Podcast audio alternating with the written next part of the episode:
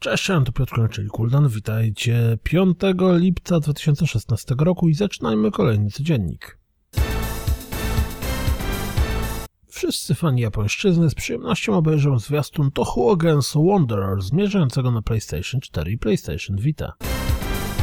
Nawet jeśli Halo Wars 2 Was nie interesuje, to sprawdźcie nowy filmik z gry. Pete Hines z Bethesdy stwierdził, że do Skyrim Special Edition w żaden sposób nie będziemy mogli przenosić save'ów z podstawowej wersji gry. Na Xbox Live rusza wielka letnia wyprzedaż. Sprawdźcie listę przecenionych tytułów, może coś Wam wpadnie w oko.